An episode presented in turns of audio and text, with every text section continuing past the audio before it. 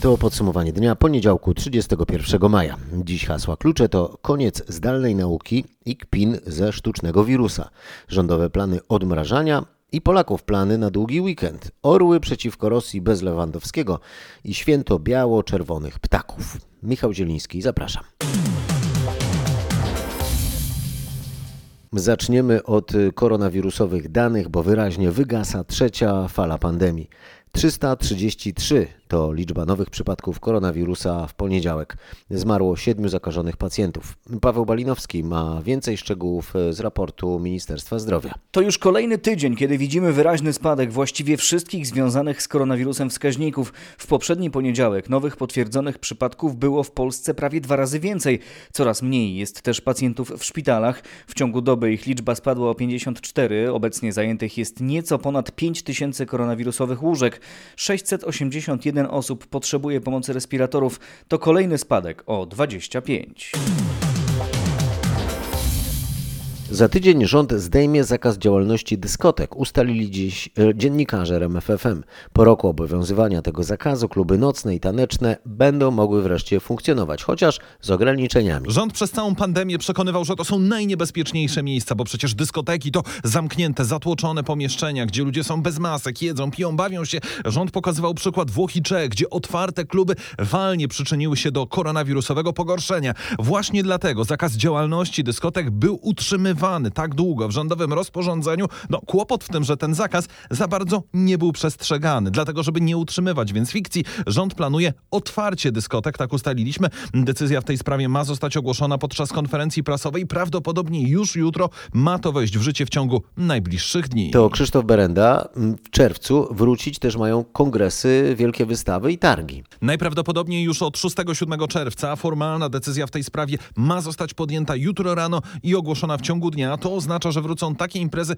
jak dostępne dla wszystkich targi ślubne, targi budowlane, turystyczne, zloty fanów samochodów, e, motocykli, filmów, komiksów. Wszystkie te masowe imprezy, które przez ostatni rok były zakazane. Oczywiście będą ograniczenia dotyczące wstępu. Najpewniej ministrowie zdecydują się na to, żeby do hal i sal wystawienniczych mogła wchodzić jedna osoba na 10 metrów kwadratowych. E, Przypomnę, że od początku zamknięcia branża wystawiennicza straciła około 3 miliardów złotych. Jedna trzecia Polaków wybiera się na długi weekend. W gronie tych, którzy chcą wyjechać, 7-8 razy więcej jest planujących wyjazd krajowy niż tych, którzy zamierzają wyjechać e, za granicę. Jedna czwarta wyjeżdżających będzie nocować za darmo u rodziny albo u znajomych. Najwięcej, bo 40% wyjeżdżających wybiera się do kwater prywatnych. Pensjonaty i hotele mogą zatem liczyć na odwiedziny około 4 milionów ludzi. A ile zamierzamy wydać podczas długiego weekendu? O tym Adam Łącki, szef Krajowego Rejestru Długów, który zlecił badanie przed długim weekendem. Chęć Polaków do korzystania z krajowej oferty turystycznej w długi weekend to pozytywny sygnał dla branż, które chcą odrobić straty po wielu miesiącach zamrożenia. Według naszego badania najwięcej, bo prawie połowa turystów wyda na wyjazd od 300 do 500 zł na osobę. Co piąty ankietowany przyjmuje budżet w wysokości od ponad 500 do 1000 zł, a 8% badanych go przekroczy. Co czwarty Polak na wyjazd zamierza przeznaczyć poniżej 300 zł. Adam Łącki dodaje, że długi branży hotelowej wzrosły w ciągu pandemii o 40%, a gastronomicznej o niemal 30%. Wreszcie są klienci i wreszcie możemy ich odpowiednio ugościć, mówią restauratorzy. W ten weekend po raz pierwszy od wielu miesięcy mogli już przyjąć gości wewnątrz lokali. Byliśmy stęsknieni i naprawdę wszystko wyszło w jak najlepszym porządku, super. Jak najbardziej pozytywne nastawienie i miejmy nadzieję, że tak będzie już przez całe wakacje. No było dużo ludzi, ale cieszymy się, że możemy już przyjmować gości no i patrzymy w przyszłość, że będzie tylko lepiej. Teraz to jest ogromna ulga po prostu móc przyjść do pracy i pracować. To jest naprawdę powrót do normalnych warunków. Brakowało nam tej normalności. Chyba wszyscy za tym tęsknili. No ale cieszymy się chyba wszyscy, że wróciliśmy do takiej w miarę normalnej sytuacji. To był też pierwszy weekend z ponownie otwartymi siłowniami i basenami. Te miejsca nie mogły przyjmować klientów przez ponad 7 miesięcy. W warszawskich klubach fitness, które odwiedziliśmy, liczba ćwiczących nie zbliżyła się jednak do ustalonych limitów. Trochę osób jest, ale spodziewałam się raczej tłumów. Forma lepsza, inna niż 7 miesięcy temu? Forma raczej, raczej okej. Starałam się przez te miesiące działać i być aktywna na zewnątrz. Pewnych ćwiczeń y, nie wykona się bez odpowiedniego sprzętu. Czego najbardziej brakowało przez te ponad pół roku? No właśnie treningu. Z ludźmi też kontakt oczywiście społeczny. Po prostu miejsce, gdzie mogę to robić. Pierwsza myśl dzisiaj po wejściu. Będzie to dobry trening, bo pierwszy. Tylko nie mogę przesadzić. Trzeba się zaadoptować do tego. Na spokojnie wchodzimy w te treningi. Codziennie ja jestem e, ranny ptaszyk, więc wstaję bardzo wcześnie. Jestem zawsze tutaj na szóstą i tak zamierzam utrzymywać. Siłownię odwiedził dziś wcześnie rano nasz reporter Michał Dobrowicz, a potem poszedł do szkoły. Od dziś do nauki stacjonarnej e, w szkolnych ławkach wracają wszyscy uczniowie w całej Polsce. E, Chodzi tutaj zarówno o uczniów podstawówek, jak i szkół ponadpodstawowych. Nasz rozgrzany wcześniej na siłowni reporter najpierw udał się na boisko liceum imienia Klementyny Hoffmanowej w Warszawie. Bardzo dobrze i psychicznie troszeczkę lepiej niż, niż do tej pory. Wreszcie powietrze, wreszcie boisko. Tak. Jeszcze tydzień temu WF był przez komputer.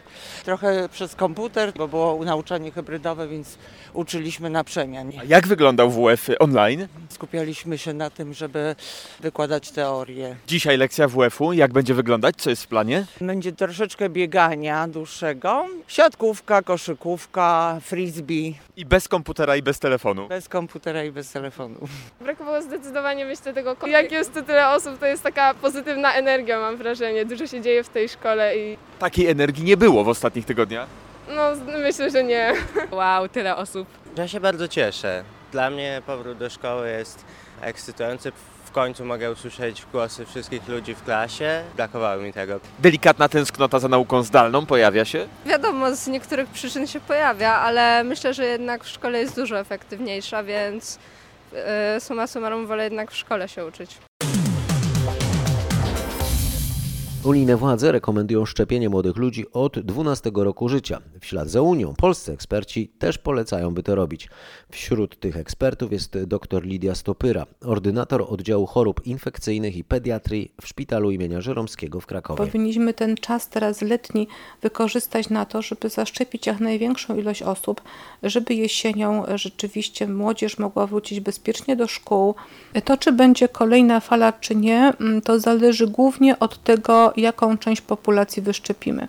Oczywiście jest kwestia nowych wariantów i wrażliwości tych nowych wariantów wirusa na szczepionkę, ale najważniejsza sprawa to jest to, jaką część populacji wyszczepimy. Jeżeli wyszczepimy odpowiednią ilość osób, to kolejnej fali nie będzie. 70 licząc na to, że mamy trochę ozdrowieńców jeszcze, natomiast normalnie powinniśmy dążyć do tych 80, nawet powyżej 80. Natomiast ponieważ mamy sporo w tej chwili ozdrowieńców, no to te 70 powinno wystarczyć. No na pewno wiemy jedno. E, Wiemy to, że e, COVID-19 jest znacznie, znacznie groźniejszy niż jakiekolwiek, jakakolwiek taka sytuacja, która byłaby związana ze szczepieniem. Więc tutaj e, bilans strat i zysków jest jednoznaczny e, i naprawdę nie ma powodów, żebyśmy się e, bali szczepić. Powinniśmy bać się nie szczepić. W dalszej części podsumowania dnia, innymi o tym, dlaczego to Polacy wymyślili dzisiejsze święto Bociana i o tym, jakie przepisy drogowe wchodzą w życie już od północy. A teraz o tym, jak odrzucana jeszcze całkiem niedawno jako spiskowa teoria o sztucznym pochodzeniu koronawirusa, teraz, na razie jeszcze nie w naszym kraju, zaczyna zyskiwać w powszechnej świadomości status równie poważnej, jak ta o naturalnej drodze przejścia koronawirusa z nietoperzy na ludzi. Trzej naukowcy z Norwegii i z Wielkiej Brytanii twierdzą e, we wspólnej pracy, że sekwencja aminokwasów w wypustce, czy też kolcu koronawirusa, czyli w tej części, którą wpija się on w ludzkie komórki, nie pozwala stwierdzić z całkowitą niemal pewnością, że pochodzący od nietoperzy patogen został zmieniony laboratoryjnie. Ze wstępu do ich pracy, która w weekend trafiła w ręce brytyjskich dziennikarzy, wynika, że zmiany te mają być efektem manipulacji genetycznych prowadzonych w Wuhanie przez chińskich wirusologów, w tym na zamówienie amerykańskie. Ci sami badacze podobne wnioski y, próbowali propagować już przed rokiem, jednak wtedy czołowe pisma naukowe odmawiały publikacji ich wniosków.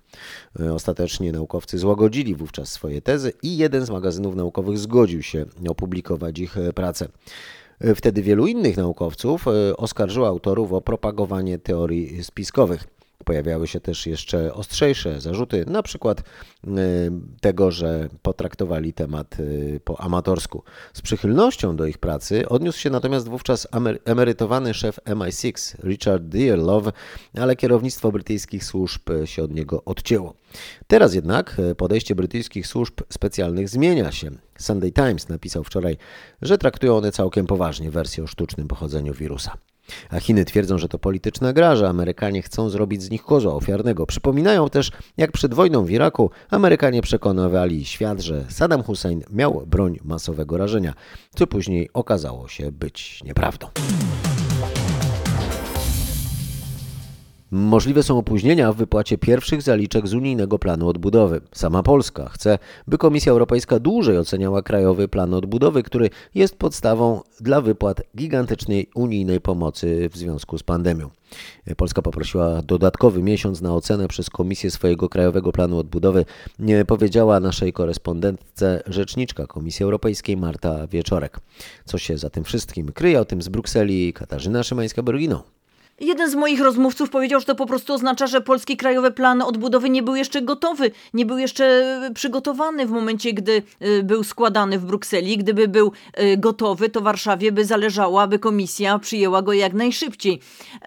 Natomiast wiceminister w Ministerstwie Funduszy i Polityki Regionalnej Waldemar Buda napisał na Twitterze, i tutaj zacytuję, wyraziliśmy gotowość wobec Komisji Europejskiej na wydłużenie terminu w razie potrzeby. To kwestia partnerskich relacji, dobrej współpracy.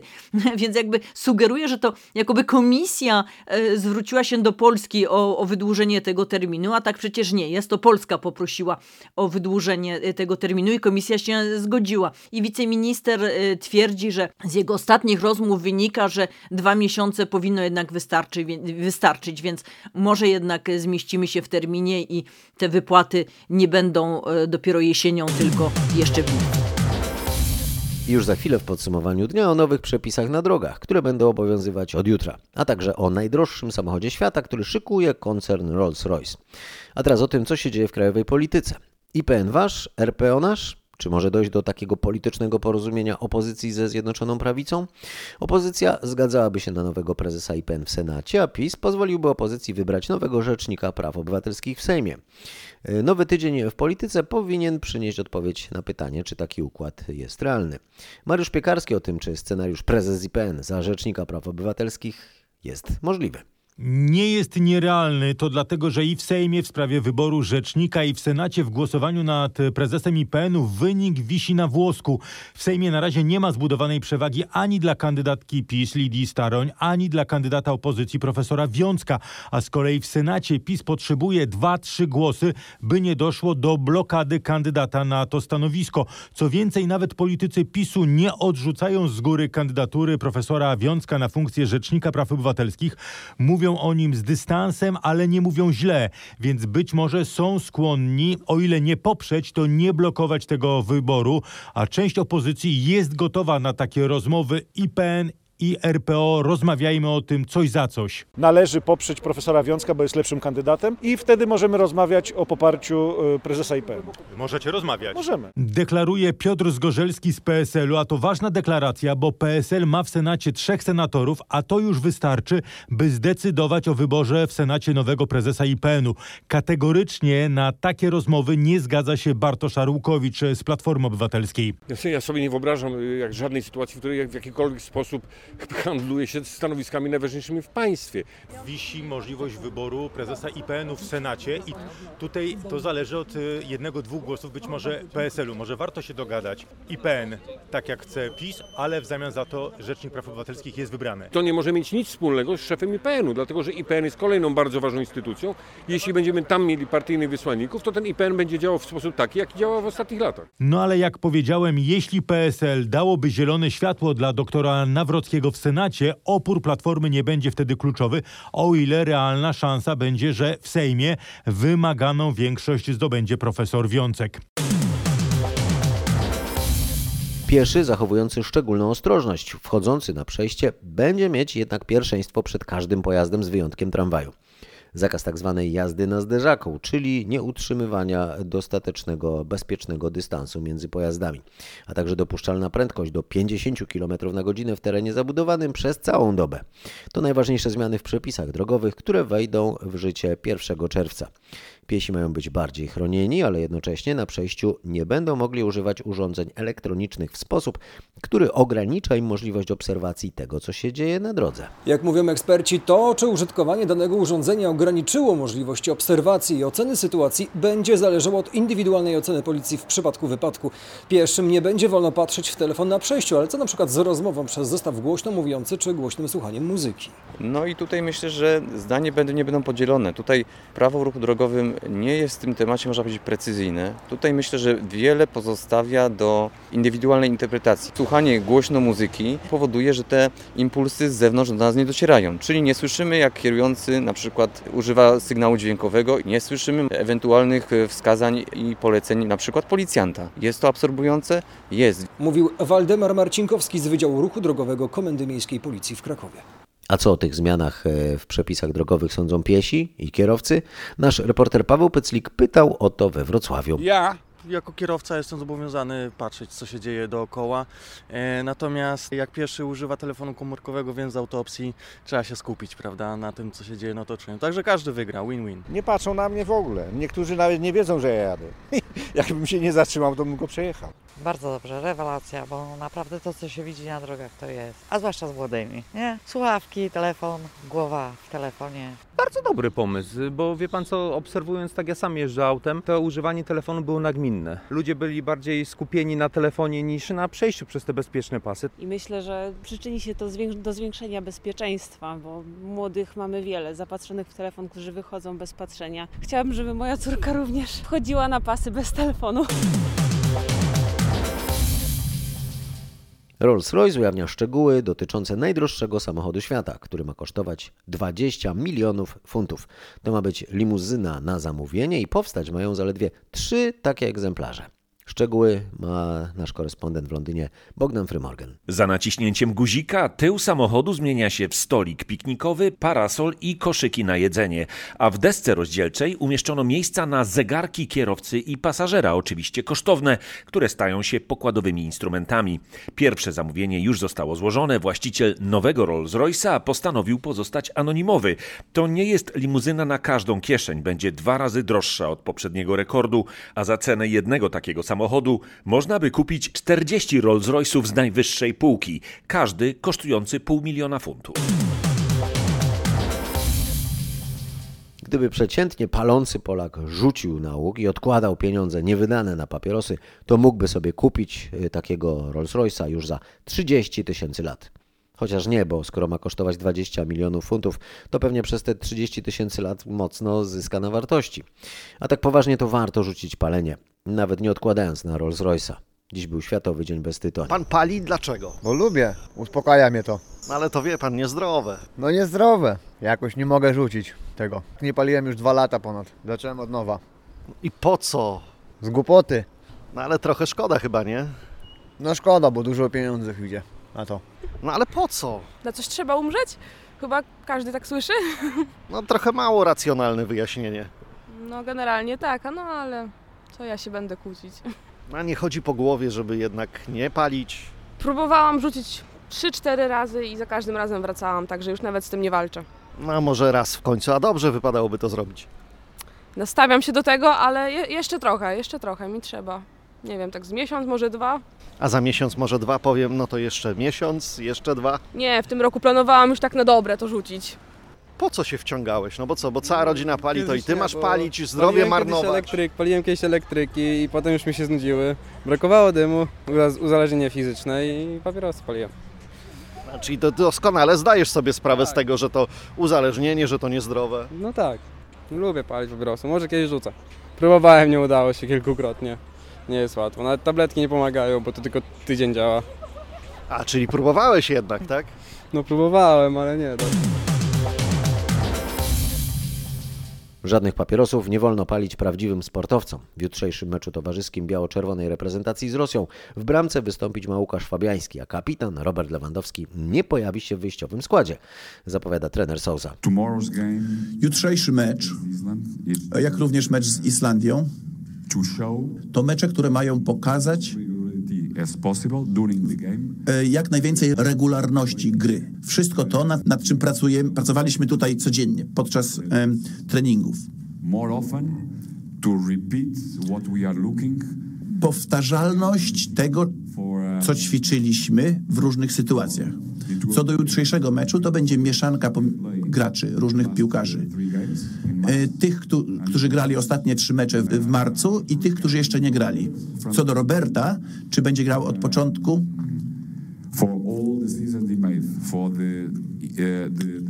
Mając na uwadze jego sezon y, i tę kontuzję, na szczęście niezbyt poważną, oraz na jego prośbę od początku, planujemy pracę tak, by, by on nie był w e, otwier- otwierającej jedenastce. Mówi szkoleniowiec biało-czerwonych, a teraz o biało-czerwonych ptakach, które dziś obchodziły swoje święto.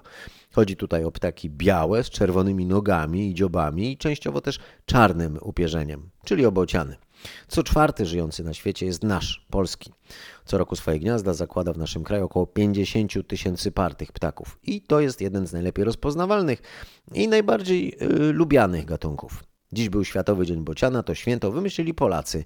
A o zwyczaje ptaków nasza reporterka Aneta Łuczkowska pytała Marzenę Białowolską z Fundacji Dzikich Zwierząt. Jest to jeden z pierwszych ptaków, który wraca i zwiastuje wiosnę, zresztą tak samo jak jaskółka.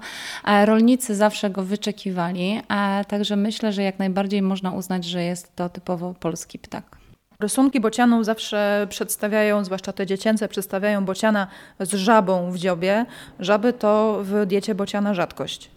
E, Tak, rzadkość. E, mm, Tak naprawdę bociany uwielbiają wszelkiego rodzaju gryzonie, uwielbiają dżdżownice, uwielbiają ślimaki. No ślimaki jedzą po prostu wszędzie bocian znajdzie ślimaka. Pożywią się oczywiście też padliną. Bardzo rzadko, bardzo rzadko wyjadają jaja. A co jest charakterystycznego w gnieździe bocianim? Wiadomo, że ono jest na wysokim e, jakimś słupie, kominie. Bocianie gniazdo jest tak naprawdę zbudowane ze wszystkiego, łącznie ze słomą, szmatami, sznurkami.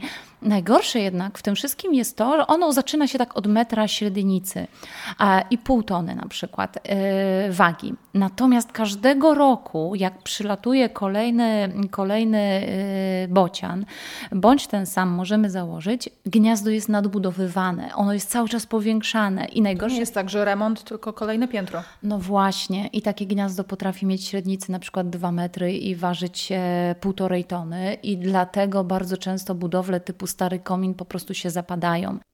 Ekspertka zapomniała o jeszcze jednej bardzo ważnej roli bociana, chociaż zupełnie niezbadanej przez naukowców. Mam na myśli tu przynoszenie dzieci.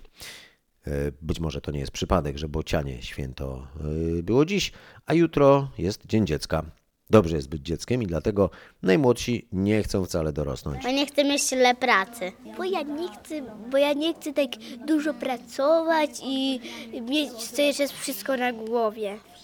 Proszę pani, bo ja nie chcę pracować do 16.